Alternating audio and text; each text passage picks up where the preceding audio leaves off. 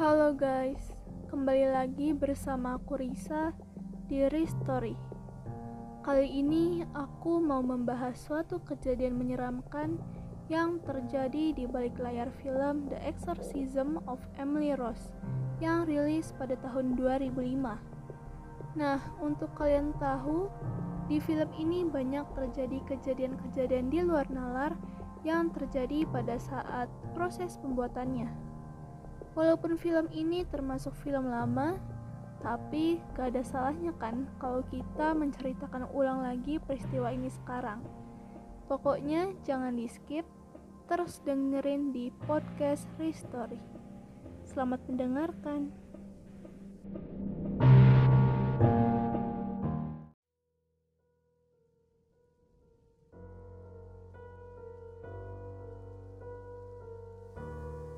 Pertama-tama kita bahas dulu nih filmnya.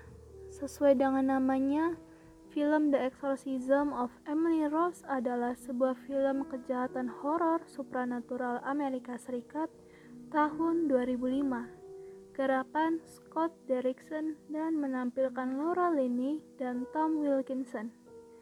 Film ini menceritakan soal ritual eksorsisme pada Emily Rose yang dirasuki iblis. Berdasarkan informasi yang tersebar, film ini diangkat berdasarkan kisah nyata yang dialami oleh perempuan muda asal Bavaria pada tahun 1950-an, yaitu Annelies Michel. Siapa itu Annelies Michel? Annelies Michel merupakan perempuan asal Bavaria yang lahir pada 21 September 1952 dan wafat pada 1 Juli 1976. Annelies Michel sendiri pernah menjalani kegiatan pengusiran setan atau yang biasa kita sebut sebagai eksorsisme dalam agama Katolik satu tahun sebelum dirinya wafat. Kasus kematian Michelle sendiri diduga karena kerasukan iblis dan meninggal dunia setelah melakukan pengusiran setan. Namun, saat itu penyelidikan masih berlanjut yang dilakukan untuk memastikan secara persis bahwa kematian Michelle disebabkan karena Michelle mengalami kelangkaan zat pertumbuhan serta mengalami kehilangan cairan tubuh, bukan karena kerasukan setan. Nah, setelah penyelidikan yang dilakukan oleh pihak kepolisian setempat, akhirnya ayah dan ibunya Michelle beserta para pendeta yang terlibat pada saat itu pun digugat atas alasan pembunuhan akibat kelalaian. Sebelumnya, Michelle menderita penyakit kejang-kejang serta pernah diriwayatkan menjalani perawatan atas masalah kejiwaan. Keadaan jasmaniahnya terus menjadi-jadi ketika Michelle merasakan gejala yang bermacam-macam, yang mana membuatnya harus meminum obat untuk meredakan gejala tersebut. Namun, karena semua tindakan medis sudah dicoba semua tetapi tidak ada perubahan, Michelle dan keluarganya pun mulai percaya sepenuhnya bahwa Michelle mengalami kerasukan arwah jahat. Persoalan ini menarik perhatian halayak karena keputusan tak lazim dari para pendeta yang bersangkutan untuk harus mengadakan sebuah tata cara keagamaan Katolik yang sudah lebih dari 200 tahun untuk melakukan pengusiran setan. Maka dari itu, film The Exorcism of Emily Rose ini diangkat berdasarkan kisah nyata dari Annelies Michel. Namun, siapa sangka, di balik film yang sangat bagus ini, pada proses pembuatannya dipenuhi dengan kejadian-kejadian aneh di luar nalar. Seperti kejadian yang dialami Jennifer Carpenter yang berperan sebagai Emily Rose Jennifer mengaku tidak bisa tidur berhari-hari setelah syuting film tersebut.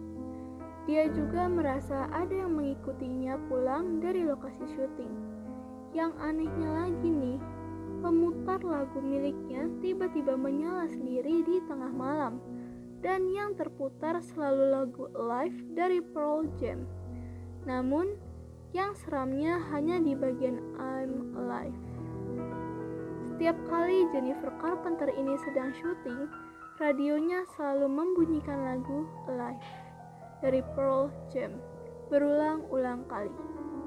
Setelah itu, beberapa case dari film The Exorcism of Emily Rose ini juga merasakan kejadian yang sama seperti Jennifer Carpenter.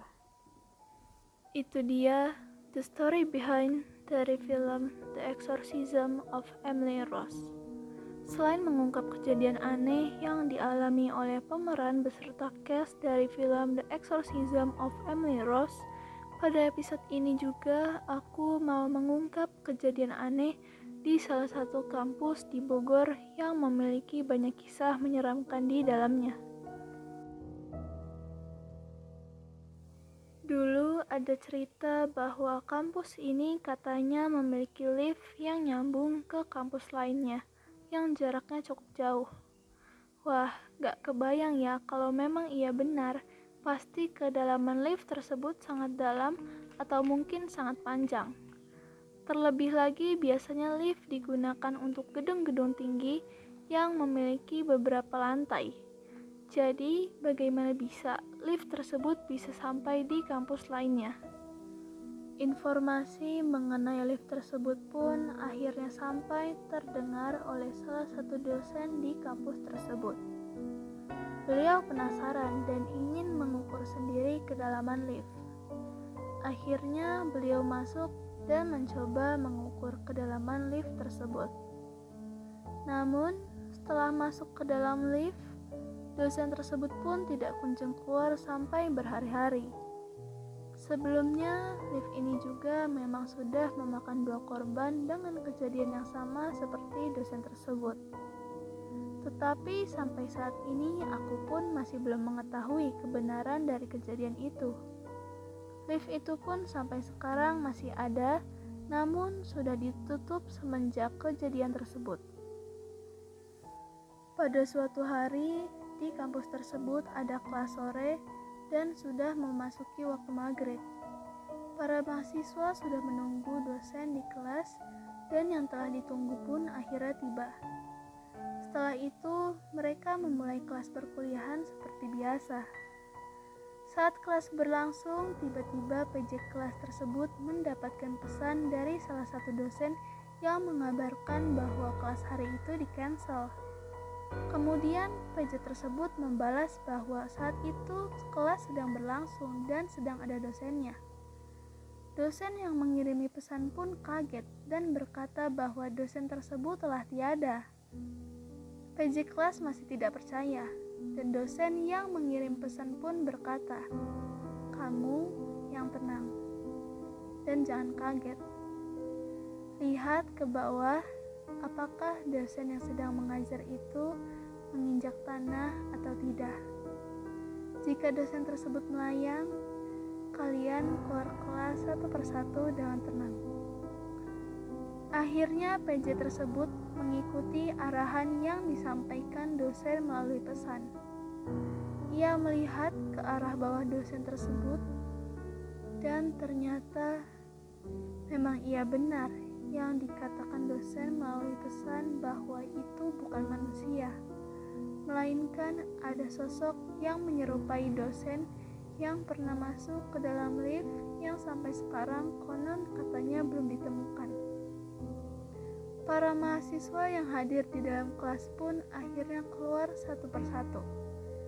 Dan saat mereka keluar kelas, tiba-tiba dosen tersebut bertanya, "Kenapa kelasnya jadi sepi?" Kepada salah satu siswa yang sedang keluar diam-diam, yang sontak membuat siswa tersebut ketakutan dan pingsan. So, Itulah cerita mengenai kejadian-kejadian janggal yang terjadi pada saat proses syuting film The Exorcism of Emily Rose dan juga kisah misteri lift di salah satu kampus di Bogor. Buat para true crimers yang mendengarkan podcast ini, aku mau disclaimer kalau aku hanya menceritakan berdasarkan referensi yang saya dapatkan dari internet dan berdasarkan cerita orang-orang. Jadi, apakah cerita-cerita ini valid atau tidak? Saya kurang tahu. Tetapi aku harap semoga podcast ini dapat menghibur kalian semua. Dan tidak terasa kita sudah sampai di penghujung episode. Sekian dulu episode hari ini. Aku Risa, terima kasih dan sampai jumpa di episode selanjutnya.